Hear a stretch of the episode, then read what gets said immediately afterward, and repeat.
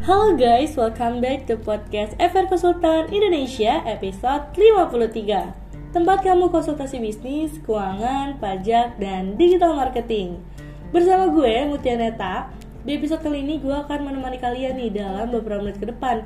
Yang pastinya dengan topik yang seru dan membangun buat kaum milenial. Are you ready to be a billionaire at a young age? Pasti lo dengerin sampai selesai ya Akhirnya kita balik lagi kali ini dengan membahas perbisnisan. Ada gak sih di antara teman-teman yang sebenarnya pengen banget jadi pengusaha, tapi lagi-lagi terhalang oleh modal.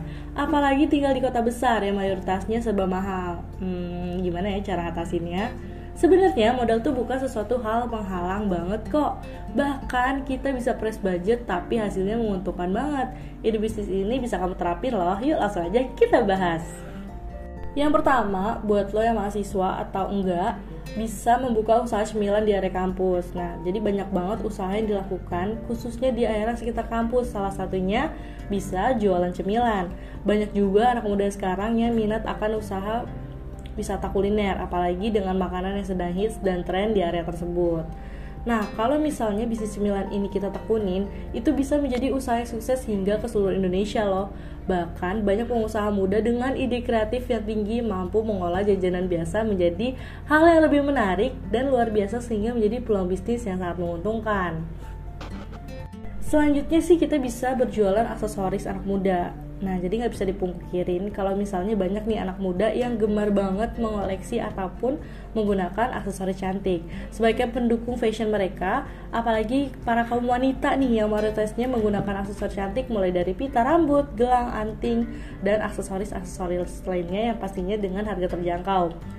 Maka dari itu, apa salahnya kalau misalnya kita bisa menjadikan hal tersebut sebagai peluang usaha, penjualan pernak-pernik yang dibeli import dari Cina dengan harga yang bersahabat dan kita bisa lebih tinggi di negara kita. Nah, nggak bisa dibayangkan kalau misalnya penjual aksesoris ternyata penghasilannya akan lebih besar perolehannya.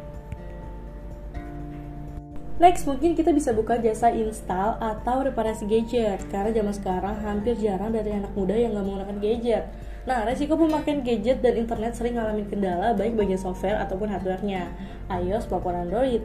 Maka dari itu, sangat dibutuhkan jasa install serta perbaikan gadget khususnya di kota besar yang mayoritasnya pengguna gadget besar. Dan sebenarnya peluang usaha ini tidak membutuhkan modal yang besar, sehingga cukup dengan modal kecil kamu bisa menjalankan bisnis ini cukup dengan mengetahui bagaimana cara install dan memperbaiki gadget dengan banyak pengalaman di bidang tersebut. By the way, gak kerasa banget gak sih udah di penghujung podcast? Gimana nih kira-kira pembahasan kali ini? Thanks banget juga buat para Gen Z yang udah dengerin sampai akhir di episode 53 mengenai Pulau usaha di kota besar dengan modal kecil yang menguntungkan.